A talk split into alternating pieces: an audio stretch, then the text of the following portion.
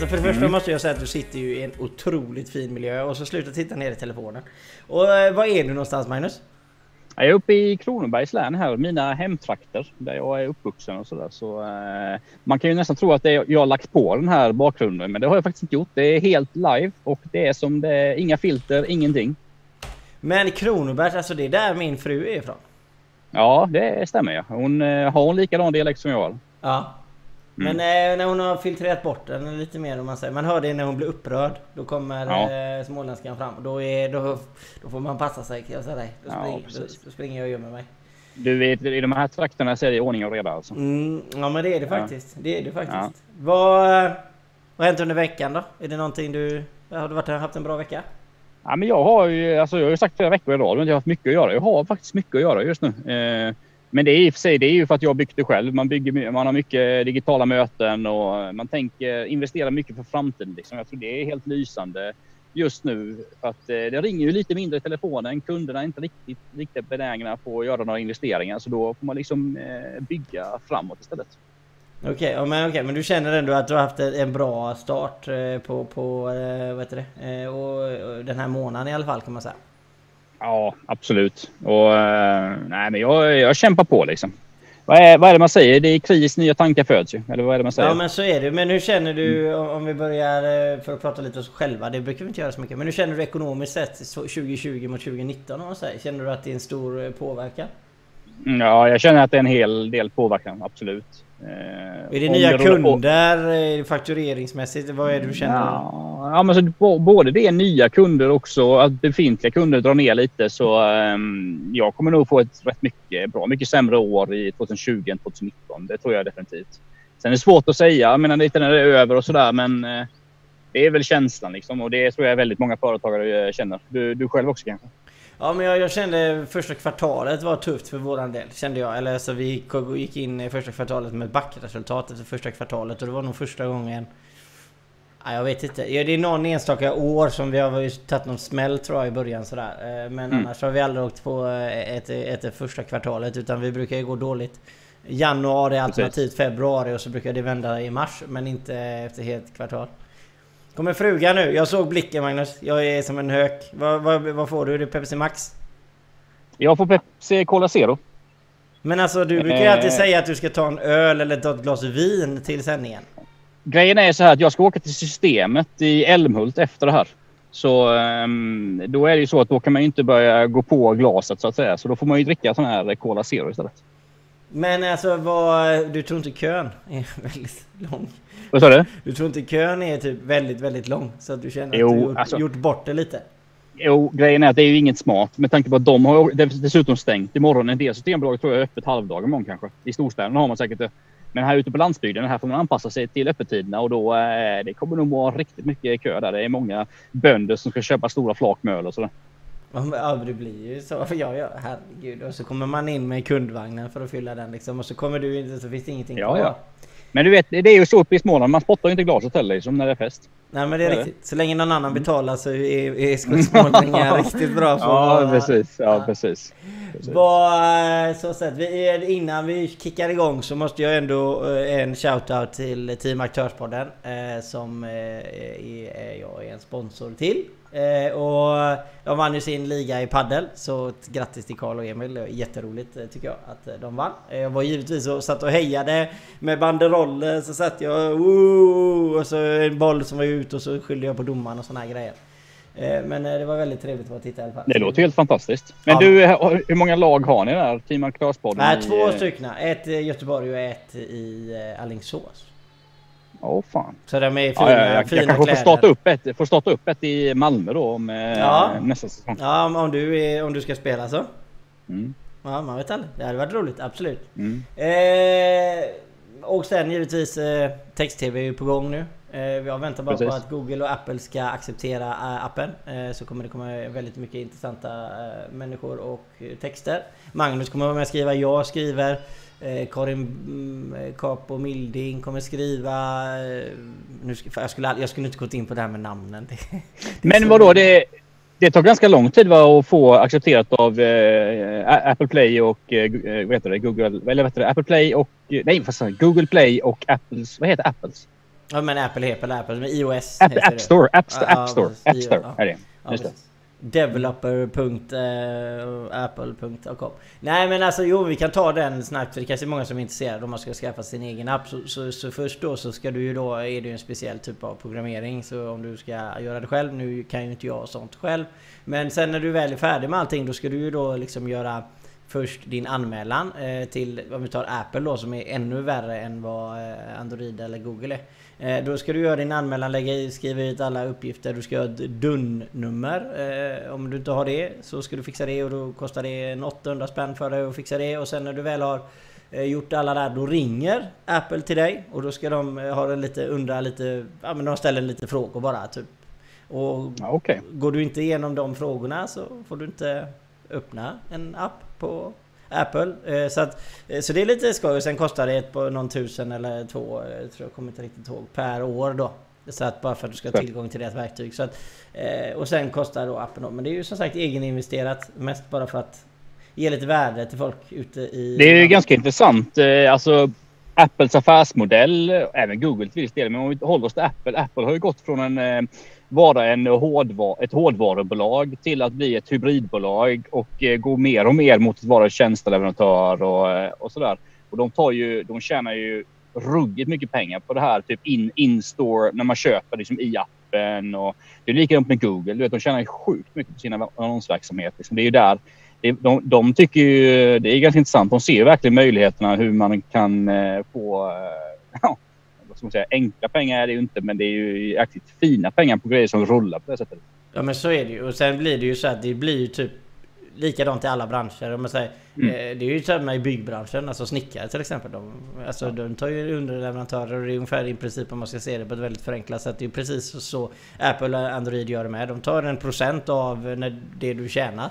Så om du säger det kanske är Precis. 70 70-30 liksom eller någonting. Så drar du in 100 kronor så, så får du 70 och så får tar de 30. Så helt Mm. plötsligt så behöver de inte vara så himla... Alltså det, det är enorma su- summor. Exakt. Som små, småföretagare. Nej, alltså, eh, jag, undrar hur, jag undrar hur Microsoft känner att de missade det tåget med att skaffa sin plattform på mobil. Alltså den är nog tuff alltså. Ja, den är tuff. Jag, Mm. och de kan ju inte komma nu liksom. Eller kan, Nej, kan nej. de, De, har ju prov, de, har ju prov, de har ju provat med sin eh, Windows Phone, men det gick ju käpprätt åt helvete. Ja, precis. Och det är samma med... De, de är lite två på bollen. Men vi ska... Vi börjar faktiskt med att fortsätta eh, på det som vi skulle göra förra veckan. Eller inte skulle göra förra veckan. Men vi, vi, det som en person sa till oss eh, att vi skulle prata om. Och det var egenföretagare.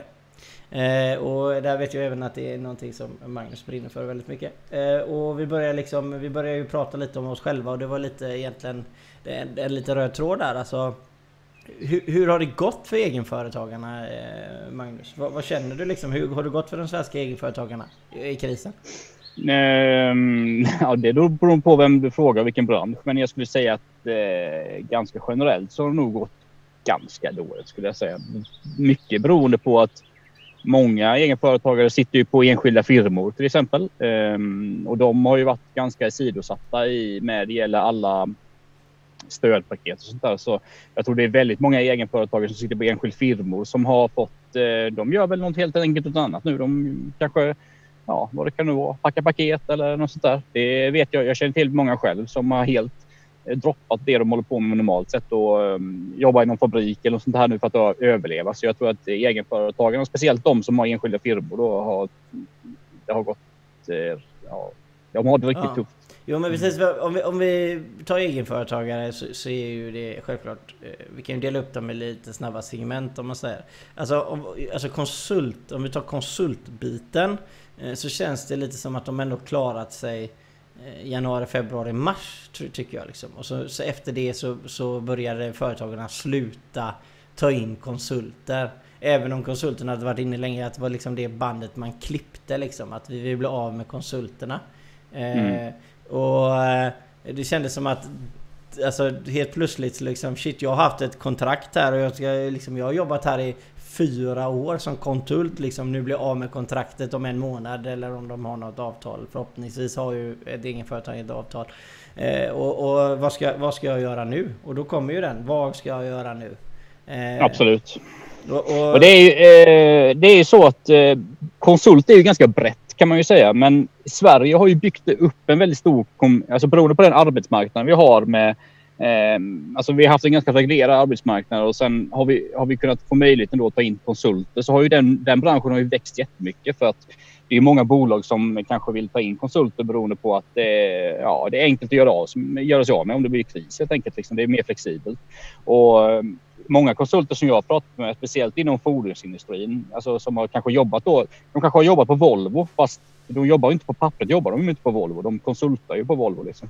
De har ju fått gå, eh, de, Volvo och eh, Scania till exempel har ju gjort sig av med mängder konsulter. Så i den teknikbranschen eh, har, ju, har det ju nu de senaste åren varit väldigt mycket konsulter och de har ju fått gå nästan allihopa. Men så ja, det är, det är riktigt tufft alltså. Det är, det är riktigt tufft. Eh, Tony säger hej till er båda. Och sitter Magnus ute eller det en skärm? Jag sitter på altanen och lyssnar för första gången. Hoppas många kloka ord idag. Alltså Magnus, jag, bara för att bevisa att det är en riktig bild så kan du gå och knacka på trädet där borta eller något? Ja absolut, ja men det gör jag. Ja, ja, men jag, jag springer ner här då. Ska, ja. Ska du bada? Nej, jag, jag kan göra det i slutet. Okej, okay. ser, ser ni Tony? Är så genuint riktigt Alltså dance moves också, men det är bara ja. för dina midsommar här. Du måste värma upp eh, höften här först. Ja, precis. Nej, jag sa ju det. Eh, Tony hade nog inte kommit in då, men jag sa det faktiskt att i många eh, sådana här videoprogram kan man ju lägga bakgrunder, men här är faktiskt straight out of Småland. Och så hör man fågelvisslingarna ibland också. Alltså det är, alltså, du vet, man får ju, ja nu hörde man det, det är bara för jag sa det. Alltså det är helt underbart. Alltså, jag, jag, jag blir väldigt avundsjuk. Eh, får jag nog ändå säga. Eh, så att, nej men precis. Men om vi, konsultverksamheterna eh, har gått väldigt, väldigt illa och jag tror att hempermitteringarna där har ju räddat egenföretagarna totalt, eller just konsultbiten. Ja. Eh, annars hade du nog, nog behövt lägga ner. Eh, sen har vi tjänsterna då. Om vi säger alltså allt från massör, massörer till eh, mm. alltså, hantverkare liksom. Vad, vad tror vi egenföretagarna? Hur, hur tror vi eller hur känner vi? Eller vad har vi hört? Nej, men det är klart där. Jag menar, det, det räcker ju faktiskt på att ta sig en... Jag tänkte på det senast igår när man gick runt. Jag gick runt lite i Malmö i stan. Eh, det är bara att kolla på butiken. Butikerna är ju stängda liksom. De flesta butiker och de som är öppna är ju kedjor liksom. Eh, de här små, jag menar kanske frisörer eller eh, ja, nagelbutiker eller eh, vad det nu kan vara. De, de är ju stängt allihopa. Så eh, det har ju slagit stenhårt faktiskt. Eh, och det ska det ska bli intressant att följa det här de närmaste månaderna för jag har, har lite dåliga vibes alltså. Berätta, berätta, berätta. Nej, men eh, dels det här med att det här viruset verkar att det har börjat komma lite andra vågor och sådär i Kina till exempel. Eh, det har ju varit nu i Peking här den senaste veckan. Och ehm, eh, beroende på smittoläget i Sverige, vi, det är ganska brutal smitta just nu. Vi läste jag vet inte om du läste om det. har ju, ju även uppe i Norrland nu. Det startar ju uppe i Gällivare i gruvan där uppe. Så eh, jag är lite bekymrad att eh, det här kan bli en riktig långkörare. Och vad menar jag då med långkörare? Jo, men jag menar ju i princip tills dess att det kommer ett vaccin. Liksom. Och ehm, det kan ju dröja, kan ju dröja ett år till. Liksom. Så ja, jag är inte, inte jätte... Jag brukar vara optimistisk och sådär, men jag är lite pessimistisk nu faktiskt. Ja men det är som sagt eh, inte för att jag har någon eh, direkt mer kunskap än att jag kan använda mitt eget huvud och tänka. Eh, så tror jag ju med att eh, det här... Alltså jag, jag bor ju i Västra Götaland liksom. Eh, I Göteborg. Och eh, här, här, här slår det ju nu liksom. Alltså jag har ju mm. vänner som deras familjer ligger ju nedbäddade nu liksom. Eller är mm. sjuka på ett eller annat sätt. Alltså väldigt många människor i min när, närhet om man säger sådär, har mm. blivit sjuka liksom. Och, så, att, och så var det ju inte förut. Så att, eh, alltså det är ju på uppgång i Göteborg rejält. Desto mer det här vädret kommer hålla i sig, desto mer och mer människor kommer bli eh, smittade. Jag menar, vad ser vi även från nej, så, ja. Ja, nej, men så läste man ju de här siffrorna häromdagen också. Att det var, var det 12 procent som var immuna nu i Stockholm. 8 procent tror jag i Göteborgsområdet och sen till 5 procent i Skåne. Så det Eh, det verkar ju som att man har missbedömt lite här med immuniteten också och det, det innebär ju då att det kommer ganska... Nu är inte jag någon eh, epidemiolog, men det kom, de, man har ju pratat om, epidemiologerna har ju pratat om att man behöver komma upp med 40, 50, 60 procent. Eh, alltså sådana här antikroppar. Ja. antikroppar T-celler. Ja, precis. Så för att det, man ska bli immun, för att det ska bli flockimmunitet då, och det är ju faktiskt lång tid kvar till dess. Eh, om man kollar på siffrorna. Så eh, det är ju också ganska oroande måste jag säga. Ja men det är magkänsla. Alltså, och jag menar, och som egenföretagare där ute, för det är ju egentligen er vi pratar om och till just nu. Det är ju så här att eh, det, eftersom vi, våran känsla är ju inte... Det är ju byggt lite på saker och ting man ser runt omkring och man, man läser lite saker och det ser man ju ganska tydligt att Alltså det här, det här semester och, och, och sen efter semestern. Jag, jag har svårt att se att för egenföretagare ska överhuvudtaget kunna ta en semester och sen när de väl kommer tillbaka eh, så, så Mattis? Pappa spelar sändning. Pappa? Ja, ja. Du, du, ja. Olivia sover. Olivia sover, okej. Okay. Ja det är bra. Ja, det... ja jättebra. Eh, eh, och så, ja, men vad, vad, var, vad var jag någonstans? Nej, du blev lite störd av din, var det din assistent som kom in ja, där? Jajamän, det var pojken. Jajamän. Ja, ja. ja. Mm. Precis. Nej, men vi var inne det efter semestern att egenföretagarna kommer ha svårt att ta, ta semester och så. Och det, det är klart det är det. Men å andra sidan är det ju så också. Jag menar, har man ingen verksamhet, jag menar, vad ska man, då blir det ju inte, det blir ju inga roliga semester, men det blir ju på något sätt att man inte arbetar ändå. Så Jo men har man det kapitalet liksom i, i, i Precis. sitt bolag så att man... Nej, nej. Kan man överleva liksom? För jag menar, det, det är ju inte så att det finns någon... Jag menar, och det är ju det, det här... Alltså hade inte hempermittering och sånt kommit så, så, vet jag inte. Det hade ju varit alltså... Den ekonomiska situationen för egenföretagare hade ju blivit så hård så att... De, man liksom fått sälja huset liksom och bo i en husvagn liksom. Mm. Om man hade haft råd med en husvagn. Mm. Nej men alltså... Det hade ju blivit helt katastrof för, för egenföretagarna om det inte hade funnits några stöd överhuvudtaget. Och sen är det, jag menar speciellt många sådana egenföretagare som är eh, som jobbar som du innan sa, kanske med tjänstebaserade egenföretagare. De som fakturerar mycket tjänster liksom och, som en konsultverksamhet. Då. jag menar de de flesta av dem fakturerar ju liksom varje månad och sen tar man ut det i lön. Då liksom. Så det är inte så att de kanske lägger pengar på, på hyllan för att bygga kapital. Så de, de, de har det egentligen. Det är som att de är anställda fast att de fakturerar själva bara egentligen. Alltså att allting som kommer in fakturerat den här månaden då går till, till lön och sociala avgifter och sådana, sådana saker. Man har inga lokalhyror och sånt där. Och, och det innebär också då att eh, då, då driver man sitt bolag liksom kanske lite på annorlunda sätt än vad ett bolag som tillverkar någonting eller sådär gör. Så, eh, Ja, men där, där måste jag stryka ut hakan och säga att jag, jag, alltså jag har aldrig fattat det. Jag har aldrig förstått den typen av verksamhet. Eh, jag har förstått givetvis att man är väldigt flexibel. Eh, så länge det finns mycket jobb så kan man... Men du har ingen säkerhet liksom. Jag, jag, jag liksom... Eh, jag vet inte, jag, har ju alltid, jag har ju, vill ju alltid ha liksom hängslen och livrem. Eh, och mm. ibland så tar man av sig hängslen och livrem för man är entreprenör för man ska satsa på något nytt. Och då måste man ju givetvis satsa. Men jag, jag tänker det här liksom Eh, Eh, då måste man ju ändå bygga in det att man ska få en, en rejäl vinst eller ha en vinst per timme då till som är tillräckligt stor. För, och, men, men, jag vet inte, det, det, jag, jag, tror att det är många som kommer uppleva att oj, jag kanske skulle varit anställd istället. Eh, i, när det blir dåliga tider. Precis, och jag menar det har man ju hört. Eh, jag har hört det de senaste åren. Det är ju väldigt många till exempel eh, som jobbar på ja, men tidningar. Typ eh, Aftonbladet, Expressen, eh, vad det nu kan vara. Många av dem är ju, kör ju sina egna lådor liksom. Eh, och speciellt kanske de som eh, har lite framträdande positioner inom inom ja, men typ Aftonbladet, Expressen och sånt. Eh, de kända profilerna kör sina egna order beroende på att de vill komma åt typ utdelningsregler och sånt där. Men det är klart, när det blir en ruggig kris då, eh, då inser kanske många att oj, det, nu blir det jobbigt. För nu eh, kan inte jag få det stöd som, ja, som jag skulle vilja ha. Nej precis. Så att nej, så, så egenföretagarna och det, alltså jag vet ju bara min kiropraktor om man säger eh, om vi ska mm. så, så, så, eh, kände ju också lite alltså, nedgång och eh, massörer, alltså man känner ju lite sådana och de har ju också sett eh, lite nedgångar och liksom så, här, så att det är ju lite Alltså, eh, jag menar, alltså, om vi ska se till min egen bransch, om man säger som i hantverksbranschen. Då, där ser man ju också en nedgång på privatsidan. Eh, enormt, om man säger. Det börjar komma igång igen nu. Men kommer det en andra våg nu då liksom så att folk blir, blir rädda, eller inte rädda, att de tar öronen åt sig om man säger på grund av att det, det, far, eh, det blir alltså ökad eh, påverkan igen. Så då, då kommer man ju ta det lugnt, ännu lugnare en gång till. Och, och det ju, ska man ju göra då givetvis. Men då blir det ju tufft, ännu tuffare liksom. Så att jag... Alltså även om man... Nej, du, du sa ju det om. Man ser ju många exempel tycker jag nu på, man ser på nätet och sådär att många, alltså typ kiropraktorer massörer och de här bitarna går ju ut med väldigt liksom, otroligt billiga priser och eh, jag kollar ju då på priserna ibland, och lägger ut det på Facebook för att annonsera lite. Och, och jag tänker ju oj herregud, du vet de priserna. Så att man ja, typ 300 spänn för en eh, massage. Liksom. Du vet, det går ju inte ihop.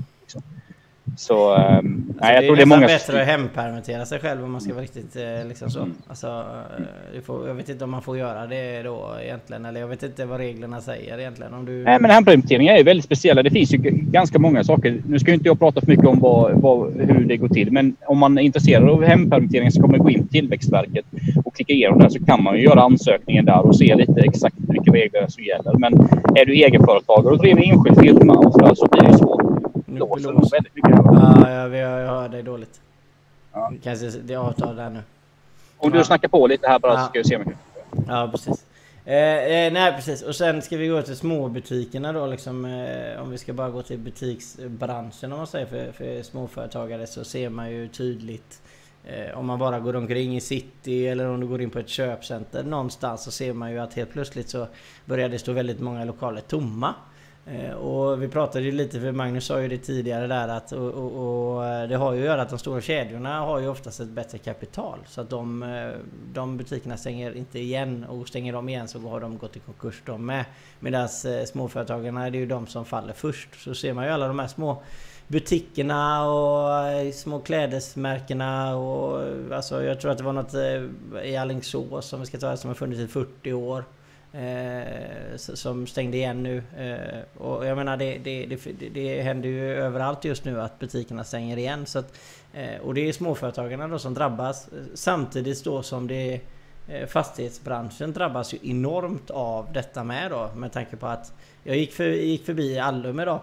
Jag skulle köpa Magnus en sån här eh, LED-lampa för att lysa upp för att det är lite mörkt hos mig.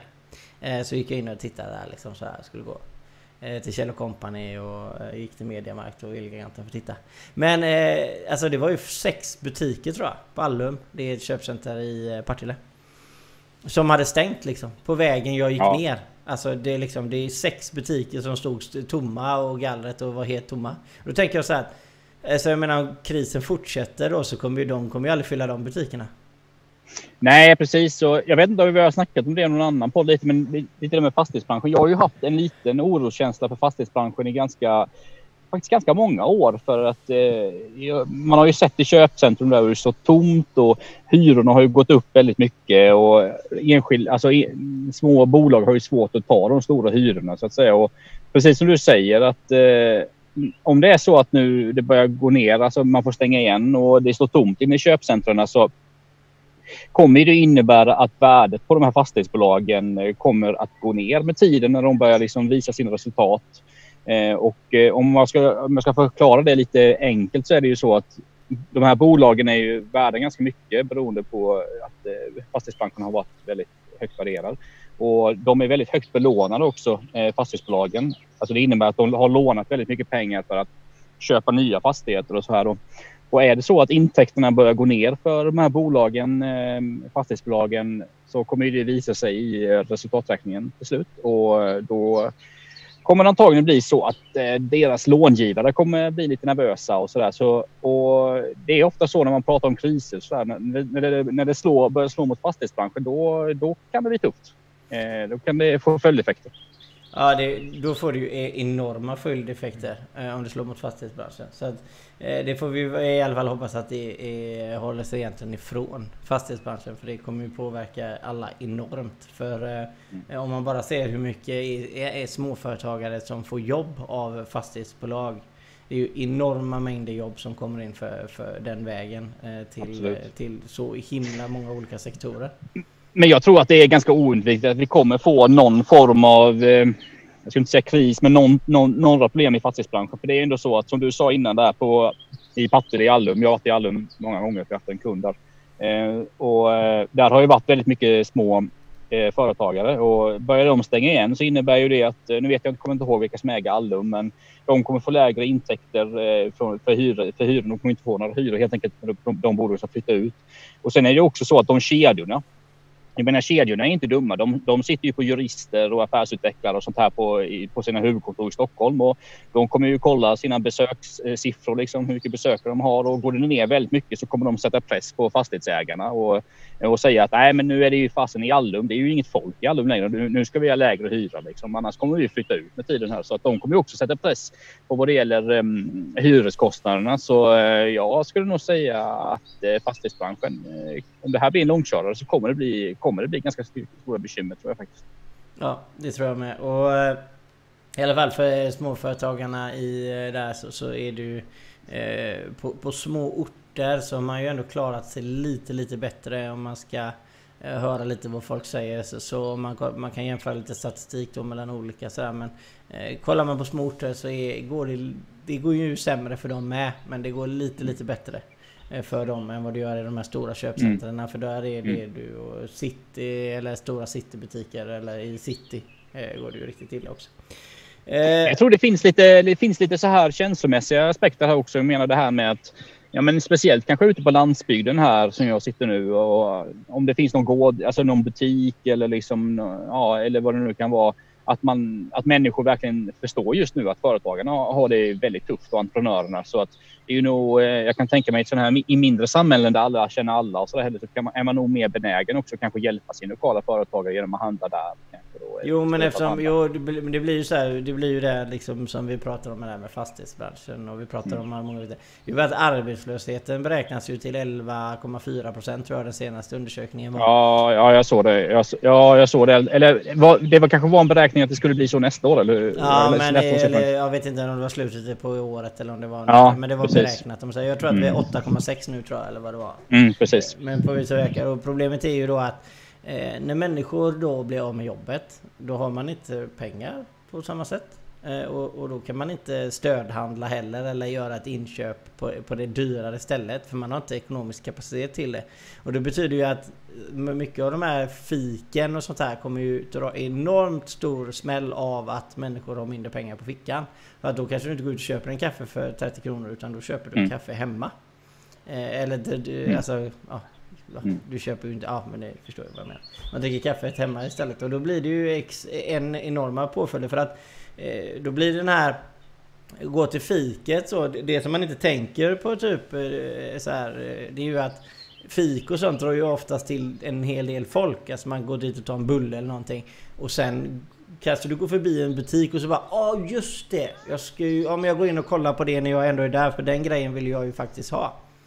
Eh, och eh, då blir det ju så att man, eh, man det blir någon alltså spontanköp och det drar ju in ännu mer omsättning till andra också. Så att... Precis, så um, många av er som tittar på det här kanske har säkert sett ju att uh, nu kommer ju den här höjningen i a-kassan också komma gå, gå igenom här snart och det, det handlar ju kanske inte så mycket om att regeringen vill vara snäll. Det handlar ju nog mer om att hålla uppe konsumtionen, att man vill, eh, att man vill stärka, göra a-kassan högre beroende på människor som blir arbetslösa då, att de ska fortfarande ha råd att kanske konsumera i samhället då beroende på att ja, men hålla igång företag och, och näringsverksamhet och sånt här. då och det, går ju, det går ju lite delade meningar om det här med a-kassan, om det är bra eller dåligt. Alltså just nu, med tanke på att det skenar så mycket i arbetslösheten, så tror jag det är ganska bra för att hålla uppe konsumtionen. Men, men eh, när, när saker och ting börjar bli bättre igen så är det ju väldigt viktigt att, att man liksom kanske drar tillbaka detta då, för då vill man ju istället på ett annat sätt få människor att gå från ja, a-kassa då till, in tillbaka till arbete. Så här, här är mycket fingertoppskänsla som regeringen måste jobba med just nu alltså. Ja men så är det. Eh, Tony säger, hur blev det med stödet till fastighets, eh, fastighetsägarna? Eh, från, mm. från Ska jag ta det eller? Eh, var det tyst en tag om tycker jag? Vet, ni? Ja, kör du. Eh, jag kan ju säga så här att det som man drog igenom där, Tony, eh, för några månader sedan, det var ju ett jävla haft, havsverk det där måste jag ju säga. Så det var ju väldigt otydligt och hyr, eller fastighetsägarna skulle, skulle förhandla med staten och sen skulle och sen skulle man då fastighetsägaren kunna ge rabatter då till, eh, till hyrestagarna. Och, och sådär. Så det var ju, jag tycker det där var riktigt dåligt från, gjort, gjort från första början. Nu kommer det här i samband med det här om, eh, omsättningsstödet eller omställningsstödet. Vi, vi säger omsättningsstöd. Ja, jag gillar det med. Jag gillar omsättning Ja. bättre. Ja, precis. Omställningsstöd. Ja, Ja, det ja. är konstigt. Eh, det kommer ju faktiskt, eh, det är inbakat detta. Så från, från första juli, eh, jag säger det nästan, avsnitt, eh, nästan varje avsnitt nu, då ska du som företagare, om du, om du har märkt att omsättningen gått ner, så ska du gå in första juli på Skatteverkets hemsida. Du kan säkert gå in redan nu, men du kommer inte kunna ansöka nu. Men i alla fall första juli, gå in där och kolla precis vad det är som gäller och så kan man ans ansöka det här efter det här omställnings eller omsättningsstödet. Då. Så, och där är, det är ju så, där ingår ju då bland annat hyra. Det, det är ju dina fasta kostnader för bolaget. Så har du en hyra eller leasingavtal eller räntekostnader eller vad det nu kan vara så kan man få ersättning för dem. Då. Så jag tror att eh, för svar på din fråga Tony så tror jag det där gamla jag tror inte det kommer...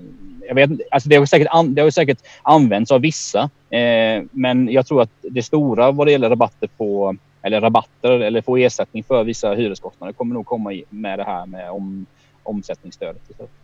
Mm, David eh, eh, säger hej, jag håller på att säga och eh, han säger att det också kommer mer eh, information den 22 juni.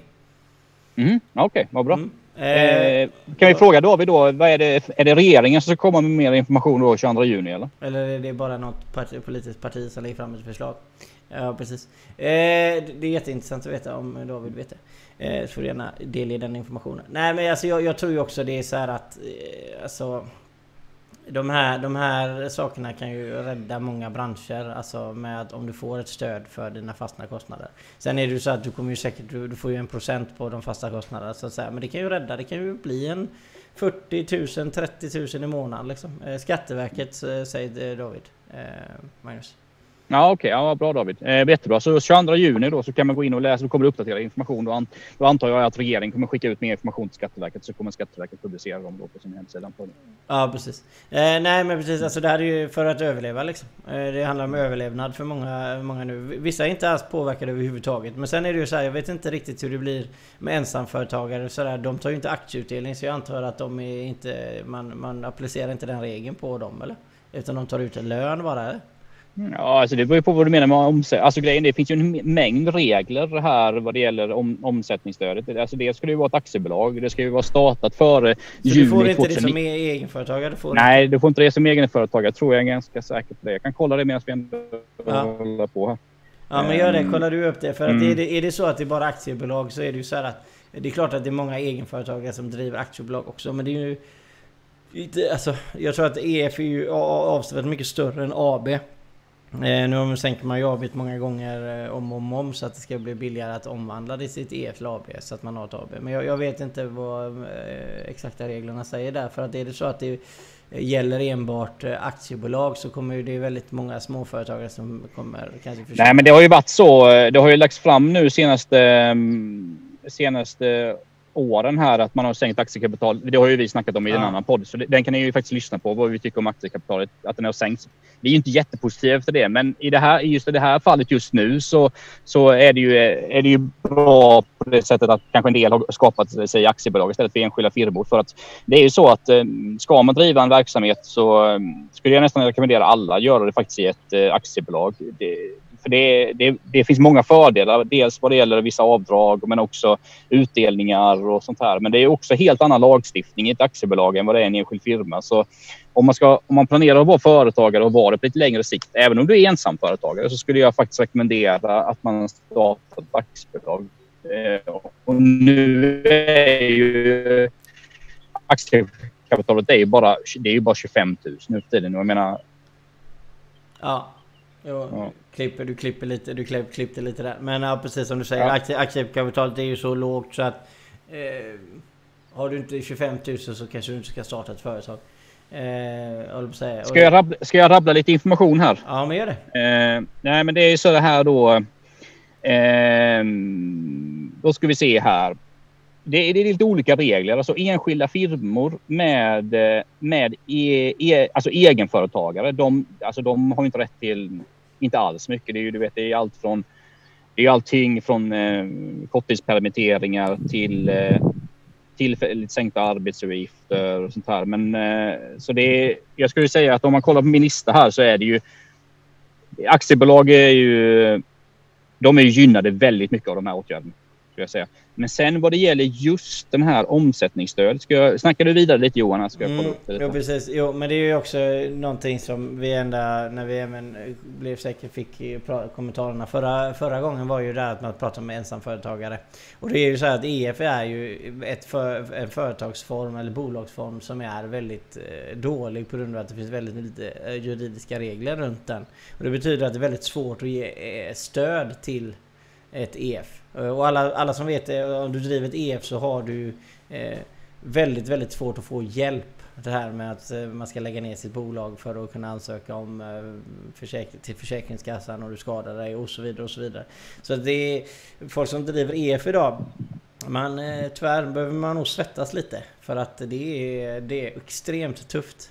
Eh, och att det, risken är att du inte kommer överleva, överleva för att kommer det här en andra våg nu som vi befarar att det kommer göra utan att vi är några eh, vad heter det, kan eh, virusspridning speciellt mycket. Men eh, gör det det så kommer ju det vara ett EF vara riktigt, riktigt tufft att bedriva. För hittar du något gött Magnus? Ja, alltså jag läser ju en massa grejer här. Men det är ju, alltså om jag förstår det rätt, alltså det är ju, det är ju en, en hel del grejer. Det ska ju vara startat innan den eh, i juni 2019. Eh, omställningsstödet gäller endast för mars och april. Så det innebär ju att du ska ha haft en nedgång på minst 30 procent mars och april eh, 2020 då jämfört med 2019. Eh, man måste omsätta minst eh, 250 000 i bolaget. Eh, måste ha F-skatt. Eh, ska vi se här. Det låter ändå som att det är, ja precis, ja, men då är det precis, ja, EF också. Ja, det måste ju vara aktiebolag här då Ja, precis. Ja, Okej, okay. Ja. Mm. Eh, men ja, så att eh, som sagt, och har man mer frågor och mer ämnen man vill diskutera som är inom just ensamföretagare eller så, så får man bara säga till så pratar vi gärna om det med. Eh, vi ska gå över och snacka om sommarjobben, eh, Magnus. Sommarjobben är mm. extrem mm. fara. I princip, jag såg en artikel idag om att det var 5000 jobb som eh, för nöjesparkerna runt om i Sverige som var hotade bara där. Eh, vi har snackat om kommunala, eh, just att kommunen, vad var det, Stockholm som skulle betala sina sommarjobbare även om de skulle göra någonting. Så både du och jag väckte starka känslor hos både dig och mig och tyckte det var helt häpnadsväckande att man skulle betala någon som inte utför någonting. Eh, kommer ihåg att vi diskuterade det i avsnitt. Men, men om vi ska se till sommarjobben i, i allmänhet om man säger. Även till campingar, alltså runt om i Sverige. Alltså alla sommarjobb som finns. Alltså det är ganska mm. mycket mm. sommarjobb. Eh, jag menar om hela den, hela den sektorn försvinner så är det enorma skatteintäkter. Om vi ska se det så. Även enorma eh, Alltså att man inte får intäkter som ungdomar. Eh, eller mm. alltså, kanske studenter också, ska vi även säga. Mm. Alltså är det farligt för Sverige om sommarjobben försvinner på något sätt? Ja, men det är ju det är klart att det är farligt för det är många som är beroende av dem. Kanske speciellt då, du sa studenter liksom, eh, som inte har något arbete eller inkomst på sommaren. Så klart att det är, det är ett jättestort problem och speciellt då kanske studenter som kom, kommer från familjer där man inte, där inte familjen har råd att eh, hjälpa eh, sin son eller dotter då som är student. Så det är klart att det skapar jättestora problem. Och, um, men det är ju ändå så att, eh, jag, menar, senast, jag, jag läste också den artikeln jag tror du relaterar till och jag, att uh, det är ju ändå så att det, det, finns jobb i Sverige. Det ska man faktiskt komma ihåg. Och, uh, det finns mycket jobb inom gröna näringar till exempel. Uh, det finns också mycket sommarjobb att uh, tillgå i, ja, men i trakterna här som jag är runt i, uppe i Småland och andra ställen i Sverige på industrier som behöver ersätta sin personal när de går på semester. Liksom. Så eh, det finns jobb, det gör det definitivt. Men eh, det är klart att eh, i sådana här tider, i sådana här kristider, så måste man ju lägga manken till och eh, vara ännu tuffare i sitt jobbsökande. Liksom. Och kanske också vara beredd på att eh, nej, men man får bo någon annanstans. Kanske då under eh, den tiden man arbetar nu i den här sommaren. Och så, där. så jobb finns det. Eh, det är tuffare definitivt. Det kommer finnas mindre jobb och det kommer vara högre konkurrens om bolagen. Men eh, man får inte ge upp och jag tror det är viktigt att man att man drar ner kanske sina, mm, ja, vad ska man säga, sin ambitionsnivå kanske lite på, på stimulansen på arbetet också. Det kommer min eh, medhjälpare här. Jajamän, din sekreterare kommer här igen. Ja. Ja, det är fantastiskt. Eh, vi får ju ofta besök här i podden, jag och Johan. Antingen av eh, något litet ja. barn eller någon liten hund eller ja, något kan vara. Tar du över Magnus? Nej, men jag snackar vidare lite då. Ska vi se vad jag ska hitta på och snacka vidare om. Det är alltid så. Eh, men vi pratade ju lite om eh, egenföretagare innan och eh, det är klart att eh, just nu som egenföretagare är det ju skitufft. Eh, förstår jag. Man, man ser ju de här bolagen, som, eller företagen som är inom besöksnäringen och eh, detaljhandel och sånt att det har ju gått riktigt illa. Eh, som jag sa så gick jag runt på stan igår i Malmö på gågatan och det är väldigt många bolag som har fått stänga igen. Och jag menar, det är klart, det, det, det, vi har sagt det innan också, det här är ju väldigt mycket en psykologisk kris och det innebär ju helt enkelt att eh, eh, när det kommer ett coronavirus så blir väldigt många människor rädda för att vistas nära andra människor liksom, och då slår det ju väldigt hårt mot den branschen. Till exempel massörer eller kiropraktorer eller där man går in kanske i en fysisk butik och träffar eh, personal. Så det är väldigt psykologiskt också för den delen. Ja du Johan, jag snackar lite mer om egenföretagarna här. Alltså jag snackar med ny, alltså, eh, nästa generations egenföretagare här förhoppningsvis. Ja det är bra. Ja. Det är bra. Eh, underbart. Eh, som sagt. Eh, nej men, eh, men vad trevligt. Men eh, sommarjobben som sagt. Eh, mm, ja, det är en fet diss på det kan jag säga. Och jag hoppas verkligen att det kommer inte bli någon förändring heller. Alltså jag förstår inte. Jag förstår det här med att jag såg ju det att de här nöjesparkerna sätter krav på kommunerna att vi måste öppna nu. För att annars kommer vi inte kunna ta emot sommararbetare.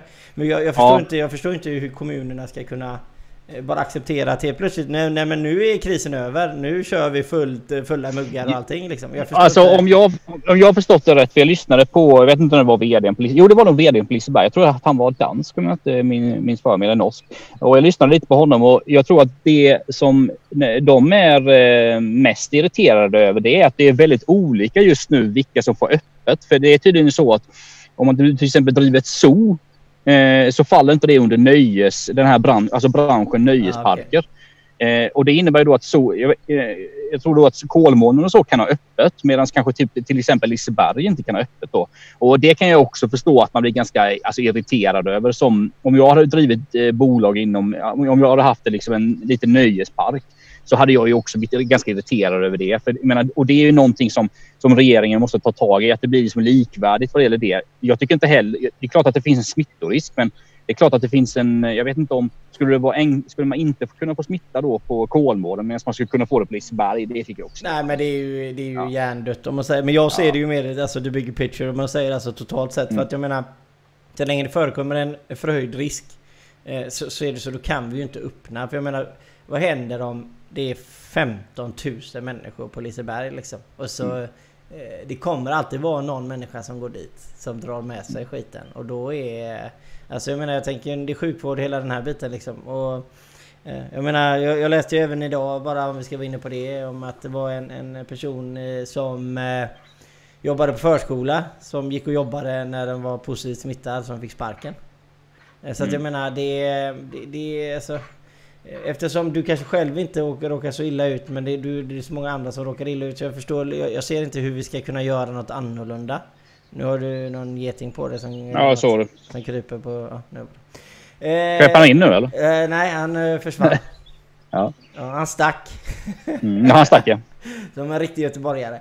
Eh, eh, men i alla fall, eh, första två veckorna i eh, juni har vi förminskade konkurser, Magnus. Mm. Mot 2019. Ja, generellt menar du? Ja. Ja, jag, jag läste lite kursstatistik faktiskt igår också på både på UC och tillväxtanalys heter ja. Ehm, det stämmer. Det är, om man kollar där. Eh, man blir ju lite sådär förbryllad. Jag vet inte, för jag kollar lite i de olika fälten beroende på olika län och sånt. Och det är extremt stora skillnader på olika län. Och för mig, jag vet inte om det kan det vara någonting med inrapporteringen här Johan. Jag är lite osäker för att det slår så otroligt olika i olika län. Det är klart att det gör ju den här smittan också så det kan ju bero på det. Men jag blev ändå lite så konfunderad när jag läste de siffrorna.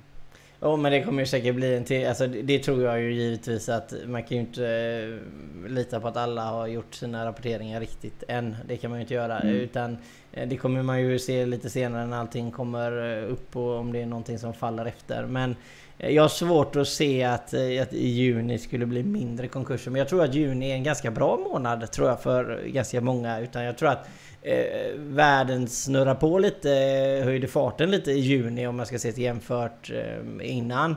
Eh, dock så är det ju så att Det är en konstgjord andning bara, alltså tyvärr.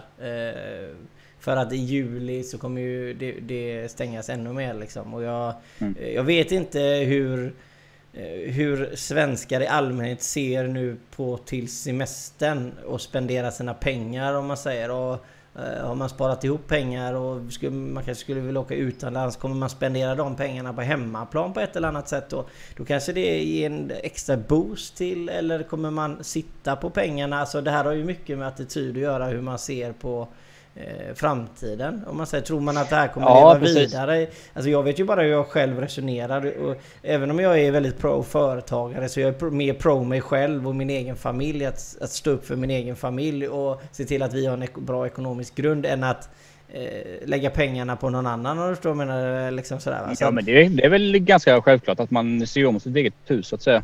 Men eh, ja, som du sa det, det är ganska intressant det här för att besöksnäringen har ju riktigt varit riktigt nere på botten här. Um, men jag snackade faktiskt med en, eh, en kille som driver ett hotell och lite stugor och så här i Sverige och de har ju bara, de har ju, det är allting är slut nu. Sen, sen regeringen meddelade att, eh, att man kommer öppna upp för att folk får resa i sommar så bara tog ju allt slut indirekt.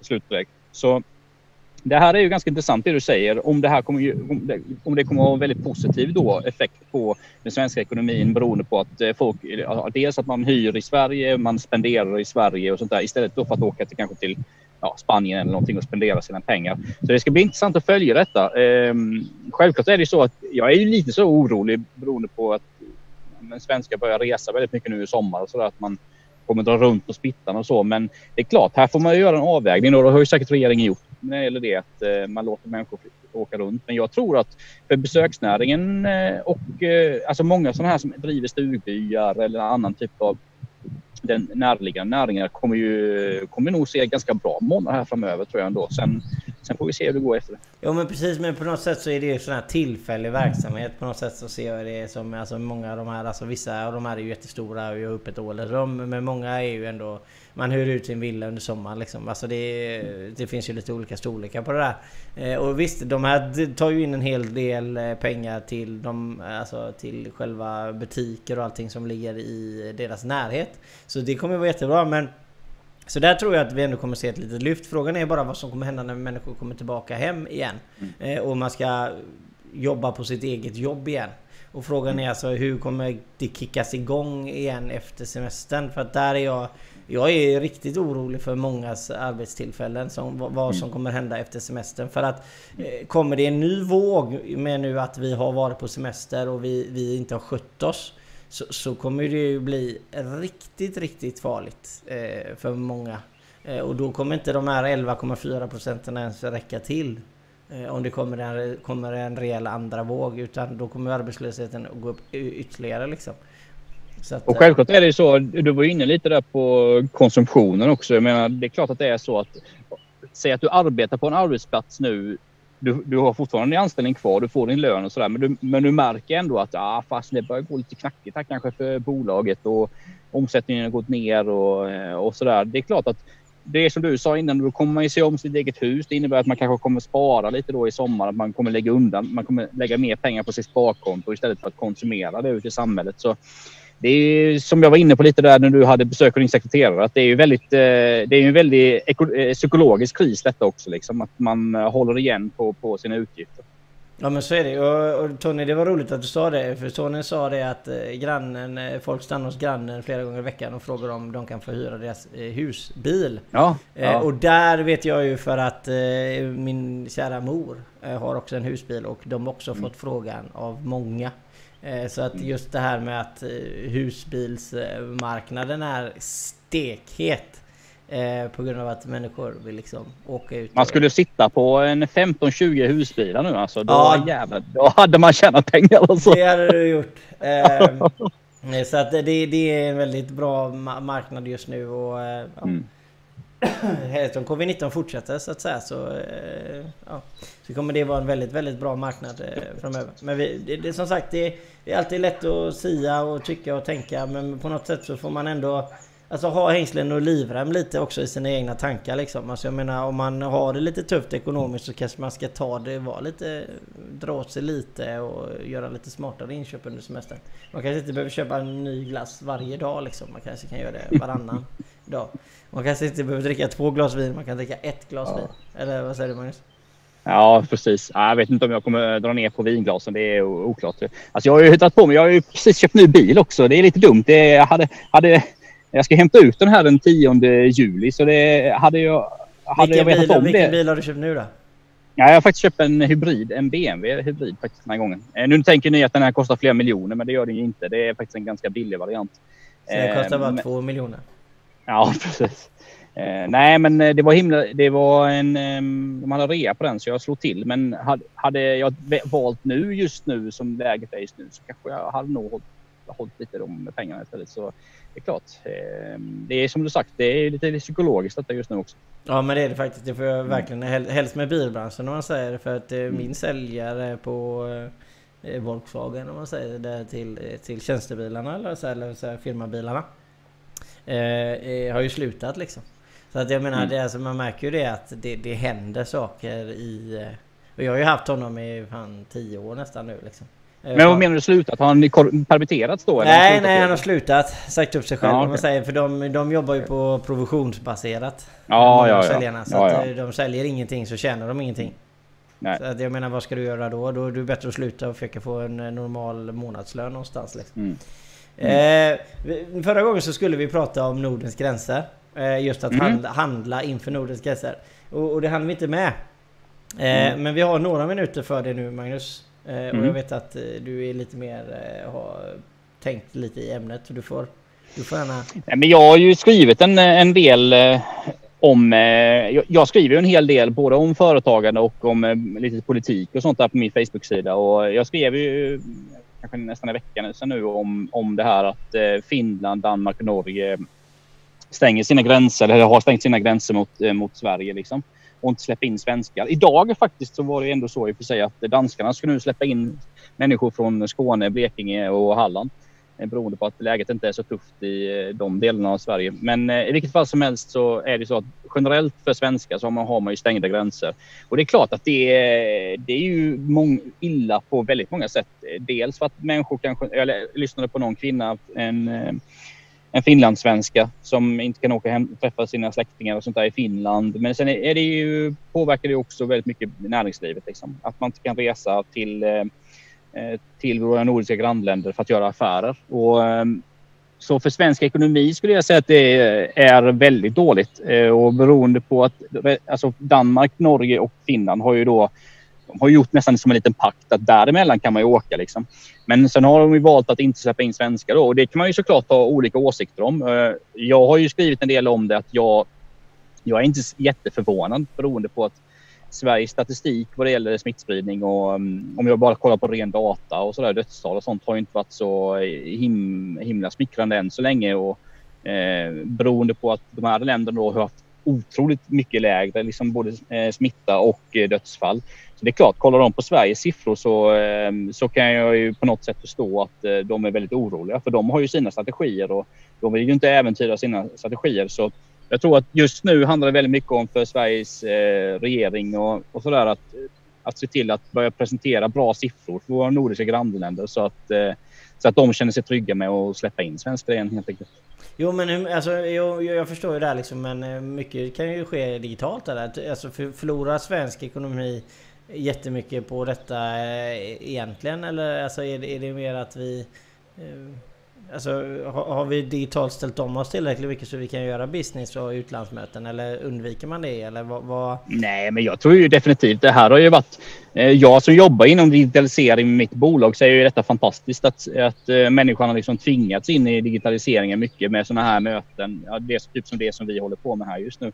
Och, så det har ju öppnat otroligt och det, jag tror det är väldigt bra för framtiden beroende på att vi kanske ja, men du vet, reser mindre vad det gäller eh, med utsläpp och sånt. Men det är fortfarande så att människor behöver träffas liksom, och, um, i många lägen och kanske speciellt då i näringsliv och sådär. Så, men du, du och jag att... känner varandra, vi har träffats och därav så, mm. så blir det lite annorlunda. Jag, hade, mm. jag, jag, uppskattar inte att sitta med en ny människa och prata med över eh, så här som vi gör nu. Eh, jag, klart att man kan göra det och det är ingen fara men jag hade ju hundra av hundra valt att träffas in real life. Alltså om jag hade fått välja. Men det är klart det är ett bra komplement så säga. Patrik säger hej till och med i min privata Facebook. Jag brukar ju inte ha många inne där. Så det var roligt. Hej Patrik! Eh, eh, så att säga. Men... Eh, så att, så att du, du tycker att Sverige ska presentera nya uppgifter för grannländerna, visa att vi har... Ja men, ja men det är ju ändå så här liksom att det är ju så att de människorna som inte lever, de här beslutsfattarna då som inte lever i Sverige, eh, vi svenskar kanske ser lite annorlunda på det, eller vissa av oss. Så men det är klart att de baserar ju sina beslut, Norge, Danmark och Sverige eh, och Finland, på, på den data de har att tillgå från Sverige. Och det är klart att den datan kanske inte är så himla smickrande nu. Så nu gäller det ju, tycker jag då, eh, jag har ju skrivit det också, att vi måste få igång väldigt mycket en testning och det kommer ju nu faktiskt i de regionerna och de här bitarna med smittspårning så att eh, våra grannländer känner sig trygga med att släppa in svenskar. Det tror jag är superviktigt. Och, jag menar, nu har det i och för sig släppt, släppt, lättat på restriktionerna här nere i Skåne idag då för jag menar, kolla Öresundsregionen, den är sjukt viktig för svensk ekonomi. Det är så mycket folk som arbetar i Köpenhamn och i, i Malmö, men också liksom uppe i, i dina trakter där upp mot Norge. Det är också väldigt mycket människor som arbetar i Norge eller eh, i Sverige och likadant i alltså Finland är också väldigt besläktat liksom med finlandssvenskan och, och så här. Så eh, våra grannländer står ju för mycket av affärerna och inkomsterna som vi har till svenska ekonomin. Så jag tycker att det är jätteviktigt att regeringen eh, verkligen gör våra grannländer trygga nu. Alltså. Jag hade ju inte öppnat upp till Sverige om jag hade varit Danmark, Finland eller Norge. Alltså inte med den statistiken vi har. Det hade jag ju såhär... Sen, sen Nej, är man ju svensk själv så tycker man ju... Ja. Fan det borde de ju ändå göra. Det tycker man ju bara för man är svensk. Men ser jag på det rent objektivt så hade jag inte... Då hade, då hade Nej men också, liksom... Det, precis. Och jag menar, det är ju, och det är ju precis det jag har skrivit om att man måste presentera tillfredsställande data. Och det är ju ändå så att Sverige... Nu kommer en hund här också. Får ni var trevligt. Nej men det är ju ändå så att Sverige har ju, fått, har ju kommit lite i underläge. Eh, beroende på ja, men det som rapporteras i världen. Och så vi har ju hamnat, bevisbördan har ju hamnat på oss. Så det är ju otroligt viktigt nu att man, att man lägger fram bra data till våra grannländer. För jag menar, kollar man då på Danskarna har ju valt att släppa in Skåne, Skåne Halland och eh, Blekinge nu. Men det beror ju på att, eh, att smitt, smittspridningen är så pass låg i de regionerna. Så jag menar, ser man på hela Sverige så ser det inte ut så. Så det är, det är klart att... Alltså jag förstår ju våra grannländer. Det är ju inget konstigt med det. det man har ju säkert resonerat likadant själv. Liksom.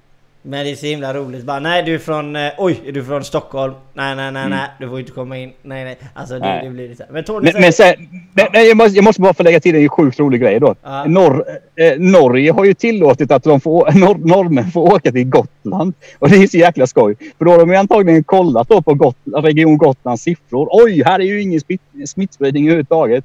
Men då inser de ju inte att på sommaren så fasen, nu har ju Sverige släppt så att man får resa fritt i Sverige. Och medan vad händer på Gotland på sommaren? Då är ju alla stockholmare där och dricker sin skumpa och, och sprits och sånt där. Så eh, där får de nog tänka, tänka om lite norrmännen tror jag. Att vara lite korta i sin tankebana där. Eh, ja. Tony säger, jag tänker så här ibland trots att jag är riktigt besviken på hur Sverige sköter saker och ting. Eh, var glad att jag driver, bor i Sverige och driver firma i Sverige. Tänk positivt även hur mörkt den ser ut. Och det var ju väldigt mm. fint sagt eh, Tony. Mm. Eh, och det tycker jag är det eh, var väl valda ord faktiskt. Och mm. med, med de orden eh, så tycker jag nästan vi ska stänga igen de olika ämnena Magnus. Eh, ja. Vi har ju till och med två minuter kvar. Så vad, vad, vad känner du att du... Vad var det high-end idag? Vad var det bästa med detta dagens avsnitt? Får du, säger du så här långt? Oh, vad var det bästa? Nej, men det var, jag tycker det är ändå att vi får ta med oss det. Att, eh, vi hade ju en, eh, en tjej, vad hette hon, Nina förra gången eller något liknande, Elin eller Nina och sånt där, som, eh, som sa att vi skulle prata mer om eh, egenföretagare och enmansföretagare också då. Och det fick vi ju med ganska mycket tycker jag. Och eh, återigen, vill ni lyfta ämnen som vi ska prata om och, och så där och diskutera lite om i, här i livesändningen eh, nästa vecka så det tar jag med mig. Att vi eh, plockar upp det och pratar mycket om det. Ja precis. Och det, ja, men det, det är alltid lätt att tycka och säga och det ena och det andra. Och Eh, alltså, eh, vi alla har ju en åsikt om saker och ting och det är ganska roligt många gånger och, och eh, det är helt underbart. Till exempel Tony som är med oss eh, och David och alla som är med och chattar och skriver och är med och diskuterar liksom. För att jag menar, mm. det, finns, det, finns så, det finns så många åsikter som det finns människor. Och därav så är det väldigt viktigt och roligt att det blir en dialog med Sverige. Och vad man, många, många påverkas. Jag menar vi har haft 10 000 visningar över varje avsnitt eh, totalt sett eh, när det har legat ett tag. Och jag menar det är otroligt många som är med och, och eh, så att det är väldigt roligt. Desto mer vi blir live, desto roligare blir det ju för mig och Magnus också. Och förhoppningsvis för Absolut. andra med. Eh, Verkligen. Eh, vad, vad, ska du äta och dricka imorgon eh, Magnus? Eh, alltså jag, är, jag gillar ju sill en gång per år. Eh, och på midsommar är det ju sill som gäller och jag gillar ju Vissa sill gillar jag inte och vissa gillar jag, men det är väl som alla. Liksom. Så imorgon kommer det bli sill, nypotatis, eh, ett antal nubbar skulle jag gissa. Eh, och sen lite dans runt midsommarstången här uppe i Kronoberg. Eh, det är väl det. Du själv då? Alltså jag är ju så himla dålig så här med fisk. Alltså det är, det är inte min grej. Alltså jag... Jag kan, alltså jag kan sådär fint smaka om jag liksom måste, om man säger, men eh, troligtvis inte. Men nubbe är väldigt bra. Så länge den inte smaksatt så är den neutral. Om man säger, det får inte mm. vara smaksatt och vrids en vågen. Men eh, någon nubbe får det bli. Eh, och sen eh, kommer det bli tre. Men du, vi kör väl en, eh, vi kör väl en digital nubbe du och jag imorgon va? Ja, ja, ja, ja. ja. eller tre. Ja, ja det gör vi. Ja, det är Absolut. Barn, så länge barnen har gått och lagt sig. Precis. ja. Eh, tack så hemskt mycket för att ni alla var med oss. Och Tony säger, det sista kommentaren vi läser upp är tack för de kloka orden. Eh, nu tar vi inte... Eh, eh nu tar vi inte samma kurs så ni vet. Ha en trevlig midsommar. Eh, ja, ja, precis. Ja, ja, det är helt ja. underbart Tony. Och tack för idag Magnus. Så Härligt Johan. en trevlig midsommar. Ja, glad, glad midsommar på er allihopa. Hej då, hej hej.